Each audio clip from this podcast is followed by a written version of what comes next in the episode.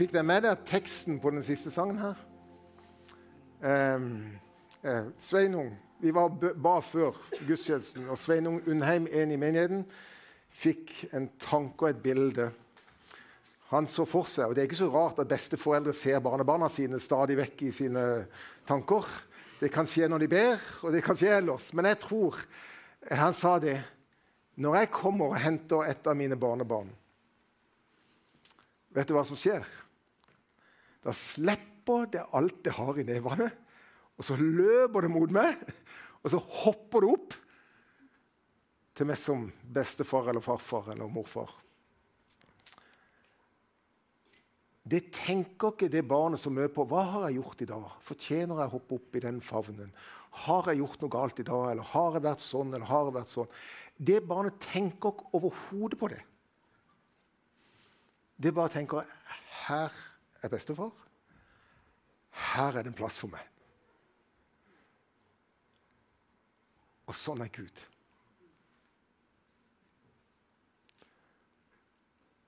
Sånn er Gud. Det håper jeg at du kjenner på. Jeg har gått eh, i de siste mm, månedene, og jeg skrev det til alle lederne i M4, et vers eller en setning som jeg, som jeg på en måte levd i, og som jeg har kjent på. Og Det må jeg si på engelsk, siden jeg skrev det på engelsk, men jeg skal, skal oversette til norsk. Da skrev jeg Grace, nåde, is the deepest place of rest det er det dypeste stedet du kan ha av hvile. Because it's a place where you don't need to pretend or perform or even defend. For det er stedet der du faktisk ikke trenger å prestere eller late som eller ikke forsvare noe. Og når du har funnet den plassen og erfart den dype Guds nåde, så skjønner du at den åpne favnen er der alltid. Uansett. Uansett. For du trenger ikke å forsvare noe. Du trenger ikke å forklare noe. Den er der. Og det er fantastisk. Det var det vi sang her. Uten skyld og skam. Uten. Og jeg, jeg tror jo at det, en erfaring av det, det er inngangsporten til virkelig å erfare Guds rike. Vi kommer ikke lenger enn Guds nåde. Så Jeg heter altså Øyvind Augland og jeg er pastor her i menigheten, og jeg skal tale nå. Eh, vi er i fastetida. Eh, og noen av dere faster på ulike måter. Og vi har hatt to taler om faste og viktigheten av å, å sette noe til side. Noen faster en dag i uka fra mat, andre flere dager. Noen har, eh, prøver å koble av alle sosiale medier. Eh, å faste hjelp, det er bra for kroppen rent sånn fysisk, og det er bra for sinnet rent sånn mentalt. Eh,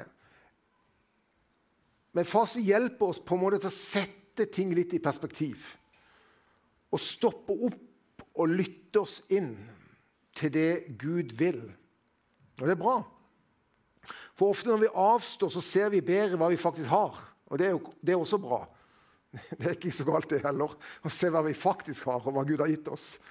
Eh, for vi kan jo lett ha ting som en selvfølge. Temaet i dag, med hjertet for huset, det er jo en utrolig kryptisk tittel. Hva, hva er det der? Hva mener de med det?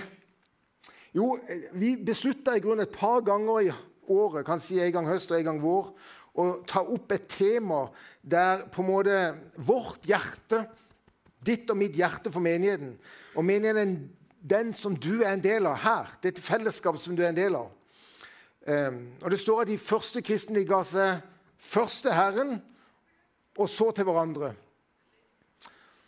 Først til Herren og så til hverandre. Og Vi skulle liksom ta opp litt om dette med givertjeneste. Vi har årsmøte i morgen. da har fått en sånn en. Den ligger her. Eh, her har dere all økonomien i menigheten. Og i, i morgen kom på årsmøtet. Det er faktisk, Vi starter her en halvtime med lovsang og bare være i Guds nærvær. Så er det noe god kaffemat og fellesskap og prat. Og så har vi en halvannen time til årsmøtet og går gjennom og forteller. Og Da skal alle i stab fortelle litt hva som faktisk skjer i menigheten. Disse, hva, hva, er det Gud gjør i menigheten? Hva skjer her? Historiefortelling, og så skal vi ha økonomi og alle de faste sakene som er viktige på et årsmøte. Jeg foreslår dere kommer på årsmøtet, så får, får dere litt med. Men vi, vi, vi eh, vi skulle liksom ta opp dette, sjenerøsitet og det å gi til medium. Men for å være helt ærlig jeg har bare å si takk. Meningen var i 2022 25 år. Det har aldri vært gitt så mye i gave og kollektor noen gang i hele menighetens historie. Og det har aldri vært gitt så mye givertjeneste noen gang i hele menighetens historie. Tusen takk. Så jeg tror ikke jeg kjente ikke fred for å tale om det i det hele tatt, for å være helt ærlig. Men jeg kjente fred for noe annet. Men nå er det sagt. Det var den talen. Ferdig. For jeg kjente rett og slett, og det har jeg kjent på over lang tid, Guds hjerte for dette huset. Ikke vårt hjerte, men hans hjerte for dette huset. Og det har jeg kjent på over tid. Eh, og jeg tror det er ulike grunner til det. Eh, i januar var vi sammen med Elster stab, sammen med fem andre frikirkemenigheter. Og vi opplevde på en måte at Gud talte til oss.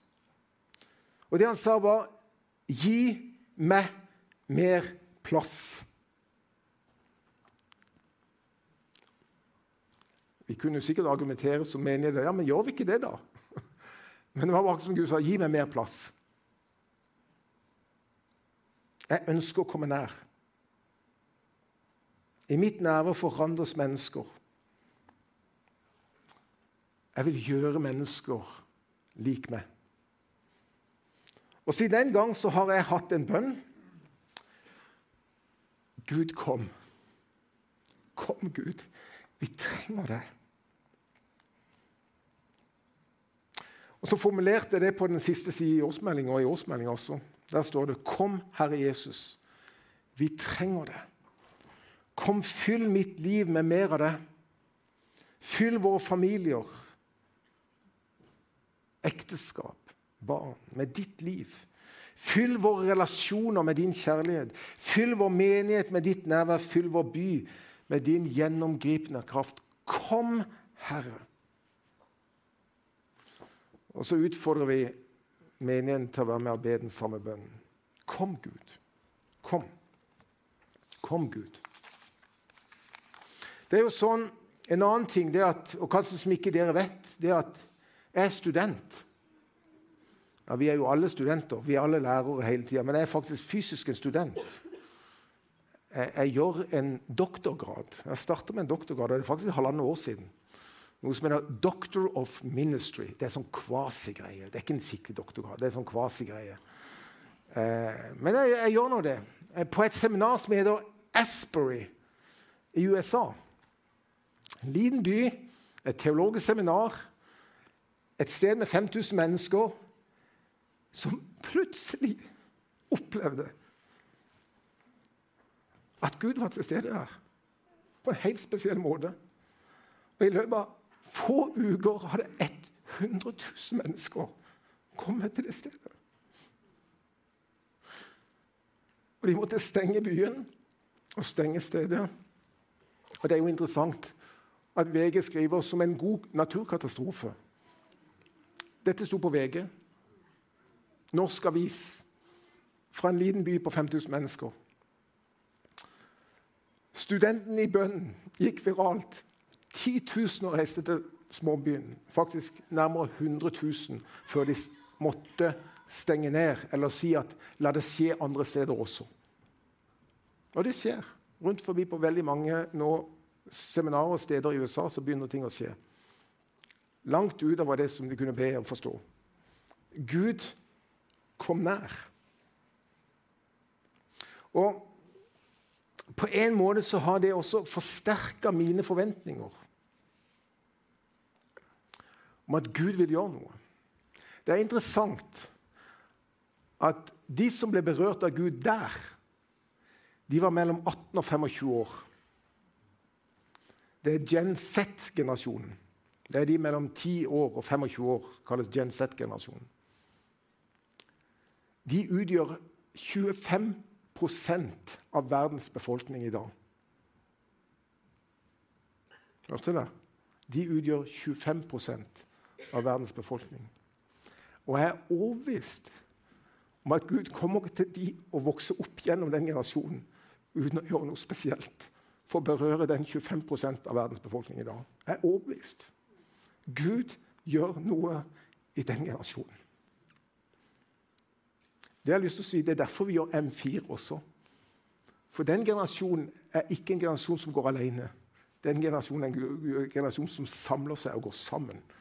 Og sammen har den generasjonen en enorm styrke. og Det har vi sett på sosiale medier. Når de begynner å samle seg og bli en stemme, så, så lytter verdens ledere. Det er interessant. Hvis dere som følger med på, skjønner hva jeg sier, følger med på sosiale medier. Vi har lagd M4 for at den generasjonen skal få lov til å plante fellesskap for sine egne. De som går sammen og vil gå sammen, og ikke alene. Men Gud gjør noe i den generasjonen. Og Jeg har prøvd tidligere å gitt en sånn en recap på hele Guds store fortelling. Og det tenker de, ja, men Skal du fortelle Guds store fortelling? Ja, jeg tror av og til så trenger vi å, å på en måte få vårt lille der vi er, og se oss sjøl i et større perspektiv. Guds drøm har alltid vært å komme nær til mennesker. Gud skapte menneskene, ikke bare oss som sitter her inne, men alle mennesker, til fellesskap med Han. Og dette, nå hører dere ord som sier ja, dette har jeg hørt, det er en selvfølge. Men han begynte med Adam og Eva og gikk sammen med, og vandra sammen i hagen. Og så kunne jeg sagt, så bygde han et, et tabernakel og valgte et folk. Og det folket valgte han Israels folk å være sammen med og vandre sammen med. Trofast. Og tabernaklet ble et sted for Guds nærvær. Et sted der Gud selv bodde blant dem og ledet sitt folk fra. Og for de som kjenner Israels historie gjennom en lyssøyle om natta, gjennom sky, skystøtte om dagen, så var han til stede nærværende for å påvirke for å lede sitt folk. Og Så bygde han et tempel. Salomo bygde et tempel, og Gud kom nær. Det står til og med at han hadde sitt hjerte der. I huset.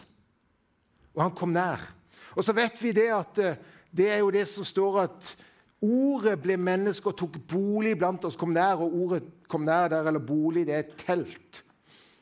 Kanskje sier det noe om Guds mobilitet. Han er ikke bundet til sted og rom. Han er ikke bundet til Han kommer nær der han vil komme nær. Espiret, ett eksempel på det. Frukten av det får vi diskutere. Det får vi se hva som skjer. Men Gud kommer nær. Jeg skal si noe mer om det etterpå. Men så er det jo ikke bare det at Gud kommer nær i Kristus Jesus. Han kommer nær i oss. Og Du kan lese dette fantastiske verset fra, fra mm, Efeserbrevet. Guds husfolk er vi. Husfolk. Hjerte for huset. Husfolk. Bygd opp av apostelens og profetens grunnvoll og hjørnesteinen av Kristus selv. I ham blir hele bygningen født sammen og vokser til et hellig tempel. I ham blir også dere, sammen med de andre, bygd opp til en bolig, et hus, for Gud, for Han. For menigheten er ikke for oss først og fremst, den er for Han. For Gud selv. For Han. Når vi samles som Guds folk her, så har Gud hjertet for sin bolig og vendt til sin bolig. Jeg husker min lærer ved Ansgar-skolen, Lars Rommundal. Han sa følgende Når Ånden skyves ut av Kirken, så er det ikke Guds som blir husløs. Det er Kirken selv. Når Ånden skyves ut av Kirken, så er det ikke Gud som blir husløs, men det er faktisk vi som kirke selv. Vi er hans hus, vi er hans bolig. Vi er Guds folk. Og vår oppgave er å si, 'Kom, Herre. Kom. Kom, Herre. Kom, Herre. Jeg trenger det. Når vi samles som Guds folk, om det er i Guds her gudstjeneste eller i gruppene våre rundt forbi familiegruppene, der er Guds nærvær. Gud har et hjerte for sitt hus. Og det viktigste spørsmålet for oss er å stille Gud, hva vil du? Jeg har kjent en bønn, og noen av dere fra staben har hørt meg be den. Jeg ber igjen og igjen denne enkle bønnen. Gud, ditt rike komme. I meg, gjennom meg og rundt meg. Gud, ditt rike komme. Gud, ditt rike komme. Ditt rike. Vi trenger deg, Gud. Vi trenger deg så, Gud i meg, gjennom meg og rundt meg. Kom med ditt rike. Og det er jo interessant. Når Jesus begynner sin tjeneste, så går han inn i et hus, synagoge. Og så sier han hva er det som skal være her? Hva er det som kjennetegner det som skal erfares i dette hus. Og Da sier han følgende Herrens ånd er over meg. For han har salvet meg til å forkynne et godt budskap for fattige. Han har sendt meg for å rope ut at fanger skal få frihet. At blinde skal få syn og sette undertrykte fri. Og så begynner han å si i dag, her og nå. Akkurat her og nå. I dag er dette skriftet oppfylt mens dere hører på.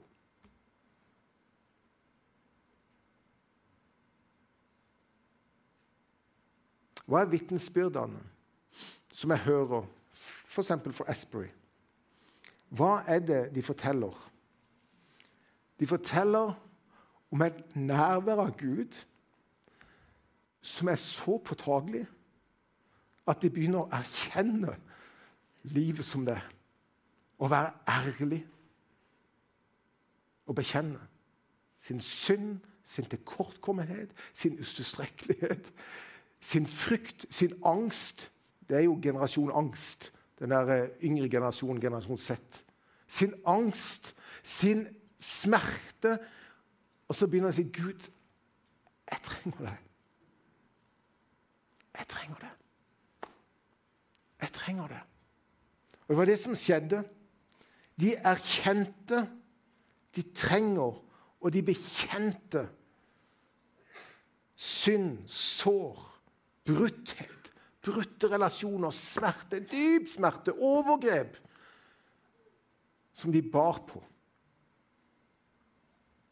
Og mennesker ble satt fri fra angst, opplevelse av mindreverd, tilkortkommende, depresjon, sykdom. Og så er ordene som de setter ord på, det, det var en helt ny frihet. Det var en dyp glede. Det var en, en dyp kjærlighet. En enorm fred. Det er ord som høres igjen og igjen fra de fortellingene. fra de mange tusen. Det som Jesus sa i synagogen, det skjedde. Du skjønner, Guds hus er ikke et sted for religiøse mennesker for å gjøre religiøse øvelser.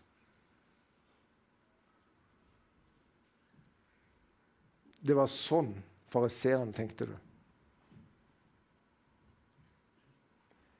De tenkte mer Når favnen ble åpna, så tenkte de nei, nei, nei, jeg må først gjøre det, jeg må først gjøre det, og jeg har ikke gjort det, og jeg har ikke gjort det, og jeg har ikke gjort det, jeg har ikke gjort det.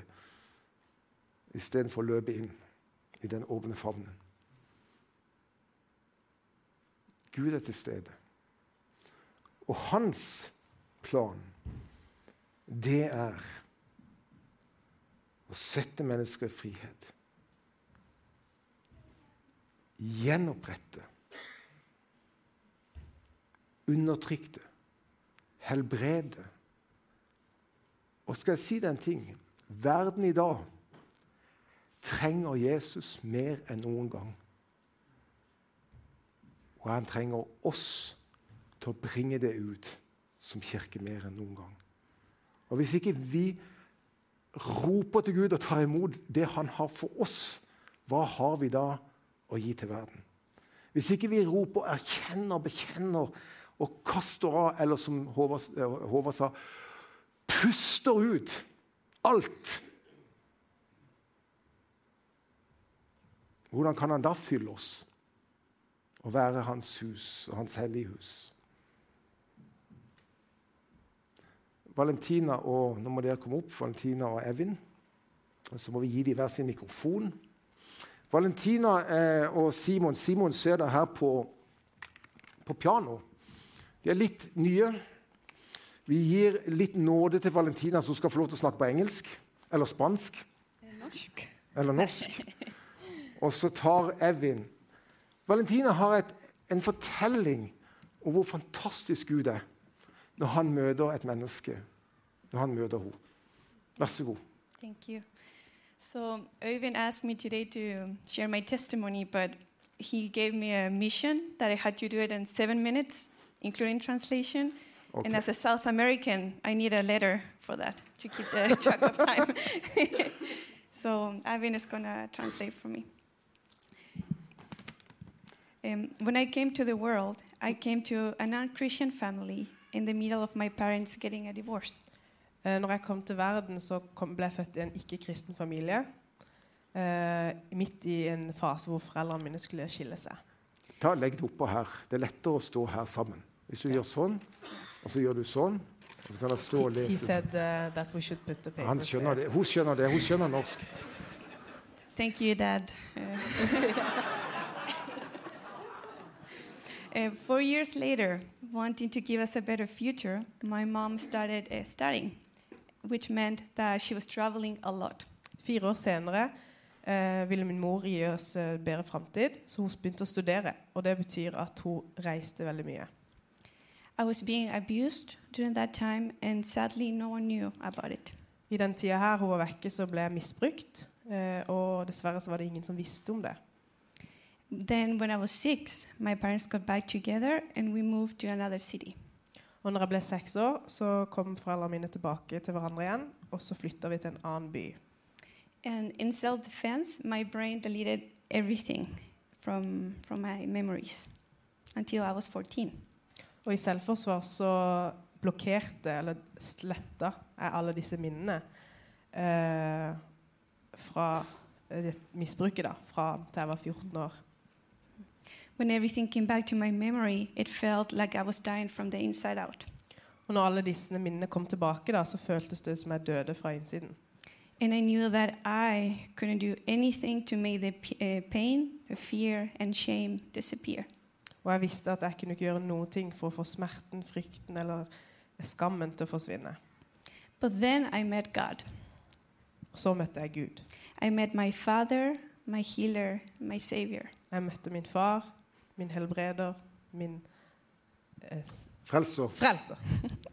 My life uh, was transformed from a dry river to an overflow of living water. Livet mitt var, var forvandla fra en tørr elv til en veldig mye elv. God, Sorry. God was so generous to me that He changed my name from fear to brave. Gud var ganske sjenerøs mot meg og endra navnet mitt fra frykt til eh, Brave. Mot. Brave. Mot. mot. Ja, den er bra. And when I thought that my life was all about working in Chile, being a nurse, buying a car, God called me to Norway. Og når jeg trodde at eh, livet mitt i Chile begynte å funke, jeg hadde blitt eh, sykepleier, skulle kjøpt bil, så kalte Gud meg til Norge. The first time I came, it was for three months, and I spent all my savings on the flight tickets and living here for three months. Første gang jeg kom hit, så var jeg tre måneder, og jeg brukte alle mine sparepenger på flyet hit for å bo her. Then God, uh, God called me to stay in Norway, and then I said yes. Og så kalte Gud meg til å bli i Norge, og jeg sa ja. So the second time I came, I did it through um, YOM, Youth with a Mission. Og andre gang jeg kom til Norge, så var jeg her gjennom Ungdom i oppdrag. The school fee was 70,000 kroner plus flight tickets, visa application, and I had no money. Eh, skole eh, ko kosta 70 000 kroner, pluss flybilletter og visa og alt sånt, og jeg hadde ingen penger. But God moved people from Chile, Germany, and Norway, and everything was paid. Men så rørte folk, eh, Gud eh, folk i Chile, Tyskland og Norge, og alt var plutselig betalt. And when I came back to serve in YWAM for two years, I needed support again. Og når jeg kom tilbake for å tjene i Ungdom i oppdrag i Norge igjen, eh, så trengte jeg mer penger. It was a challenge for a Chilean to be a missionary in one of the most expensive countries in the world. Og det var krevende for en chilener å være misjonær i en av verdens eh, dyreste land. The truth that prevailed uh, was that God was so generous, not just with money, but with his love, with the community, and with the man that became my husband and best friend. Og sannheten eh, som seiret, var at Gud han er sjenerøs. Ikke bare med penger, men med hans kjærlighet. Med et samfunn, og ved å gi meg den mannen som jeg har i dag, som er min beste venn. My heart is full of love for Norway, and I'm so blessed to live where God called me to live. Hjertet mitt er full av kjærlighet for Norge, og jeg er så velsigna av å få lov til å bo her. Et sted som Gud kalte meg til å være. I wouldn't be here if the people that helped me would have said no to God when He asked them to help me, to support me. Og jeg hadde ikke vært der hvis folk ikke hadde vært lydhør og sagt nei til Gud. Da hadde ikke jeg vært der. God changed my life in a radical way when I was 14, and He did it again here in Norway 10 years later. Eh, Gud endra mitt liv radikalt når jeg var 14, og han gjorde det igjen når jeg kom til Norge ti år senere. Now, I want to be generous, and maybe I don't have a lot of money to give away, but I give what I have. Og nå har jeg lyst til å være sjenerøs. Kanskje har jeg ikke så veldig mye penger å gi bort, men jeg gir hva jeg har. And most important of all, I want to be generous and share how God changed my life, how He healed me, and how my Savior fought for my life. Og viktigst av alt, jeg har lyst til å være sjenerøs med hvordan Gud endra livet mitt. Hvordan han helbreda meg, og hvordan min eh, Herre kjempa mine kamper for meg i livet. Tusen takk. Tusen takk. Thank you. Uh, ju- just be here. Um, um, Evin, hva skjedde på ungdomsarbeidet i går? Eh, du trenger ikke myte meg. Vekkelse. Det var det. Nei, altså Det du sier at er generasjon Z, det er den generasjonen vi har i menigheten. Og det er bare Det er en sånn derre Du kan ikke si dagens ungdom lenger hvis du er på frik. fordi at denne ungdomsgenerasjonen som vi har i menigheten, er det motsatte av det du ser på nyheter, sosiale medier, statistikker. Det er ungdommene våre. Det er framtiden. Og det er bare, de, de, de elsker Jesus. Eh, og når vi kom hit for møte i går, så hadde jeg utfordra en av våre ungdommer her fra Hånes, eh, Lauritz, til å tale. Og han hadde snakka om Han hadde fått på hjertet at han skulle snakke om eh, å ha forventninger til Jesus. Og det var bare sånn dønn ærlig tale fra hjertet at vi må tørre å ha forventninger til Jesus. Eh, og, og så var han sånn der, Og så sa han sånn Å ja, syns du det var bra? For han delte det med meg først. Jeg bare, dødsbra, vi trenger det. Så var han sånn Å ja, fordi det er ikke så mange ledere som tar dette så bra. Så var jeg sånn Hæ? Hvem er vi voksne? Vi må skjerpe oss. Selvfølgelig skal vi ha forventninger til Jesus. Og det ble sinnssykt bra tale, eh, som gikk over i en lovsang. Og under lovsangen så fikk jeg mange sånne der, eh, Den og den og den og den og den sitter i salen. Øresus, eh, frykt for å lese høyt i timen. Veldig sånn rare ting. Men jeg tenkte jeg skulle dele det, og det kom over 15 stykker til forbønn. Eh, det var helt stappa i forbønnstjenesten, så en ekstra fyr måtte komme og be. Og så får eh, eh, Elias noen ord, så han kommer fram og sier at jeg tror vi skal be for hverandre. Så møtet blir jo dratt veldig langt, så, og så begynner ungdommen å be for hverandre. Og hun jenta som akkurat hadde vært hos meg, som ikke turte å be høyt eller snakke høyt i timen, hun ba for meg etterpå. Jeg så spurte jeg har du bedt høyt før. Hun ba aldri. Jeg ba, det skal du gjøre igjen. Eh, det, var bare, det, var veldig sterkt. og Vi satt igjen her, og maten ble jo kald, dessverre. og sånn, men Eh, det var bare så deilig, og vi hadde så lyst til å bare dra det enda lenger. Men jeg tror at Gud gjør allerede noe i den generasjonen. Og det er bare så sykt gøy å jobbe med dem og få se det. Jeg blir så inspirert. Amen. Og så sier vi at eh, på menighetsmøtet så kommer dere høre mer. så dere bør komme på menighetsmøtet. Valentina, tusen takk. Jeg er litt over tid, men eh, eh, hvis jeg leser videre i den teksten med Jesus når han har sin programtale, og leser videre kapittel 4 i Lukas evangeliet, så er det noe interessant som skjer. Eh, først er fariseerne litt begeistra, og så blir de så forbanna, irritert, at de jager Jesus ut av synagogen og prøver å drepe ham. Hva var det som skjedde? Jo, det var rett og slett dette enkle her. Det var min bønn. Bare gå videre. Ops. Nå er jeg på sanger her. Der. Jeg skal bare la det være der. Etter den teksten. Det var rett og slett det at Jesus lagde to historier. Han sa, 'Du, husk Det var ei enke som møtte Jesus. Og det var en syrisk konge gjennom Naman som møtte Jesus. Og når, når Jesus sa det, så ble de så ufattelig sinna. Fordi både den enka var ikke av Israels folk, og Naman var en konge som ikke var Israels folk. Så midt i all nøden som israelsfolket hadde, så ville de ikke åpne seg opp for Gud. Da gikk Gud utforbi til de som trengte, og de som gjenkjente smerten, og de som trengte Gud.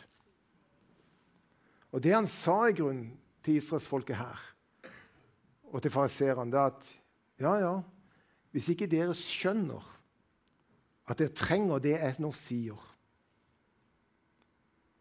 så går jeg ut på gatene og stredene. Og det var det han gjorde. Etterpå så gikk han til Peters hus og helbreda Peters svigermor. Og så gikk han ut og satte noen fri fra onde ånder. Og så gikk han ut på gatene og stredene. Og så kom Guds rike der. Nærvær der. Og vi må være forsiktige med at ikke vi blir de religiøse som kan alt, og som tenker vi har alt, og som ikke sier 'Gud, kom, jeg trenger det'. For Gud trenger at vi, våre hjerter berøres, for at verden der ute kan berøres. For han elsker alle mennesker. Han vil ut til alle mennesker. Evangeliet skal ut til alle mennesker. Skal vi bare være litt stille? Nå kan musikeren komme opp. Skal vi være litt stille? Og så skal vi bare la Den hellige ånd få lov til å røre ved våre hjerter. Jeg tror vi står foran en tid der Jeg vet ikke hva, men jeg har bare en utrolig opplevelse at Gud er i ferd med å gjøre noe. Og jeg ser der ut forbi. Og jeg er livredd for å stå i veien. Som leder i den står i, er livredd for å stå i veien.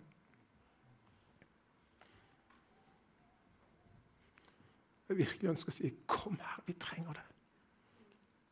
Vi trenger det i våre familier. Vi trenger det inn i våre relasjoner.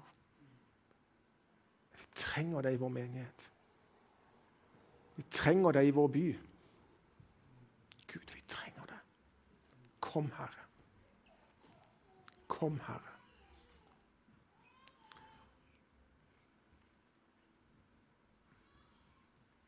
Kom, Herre.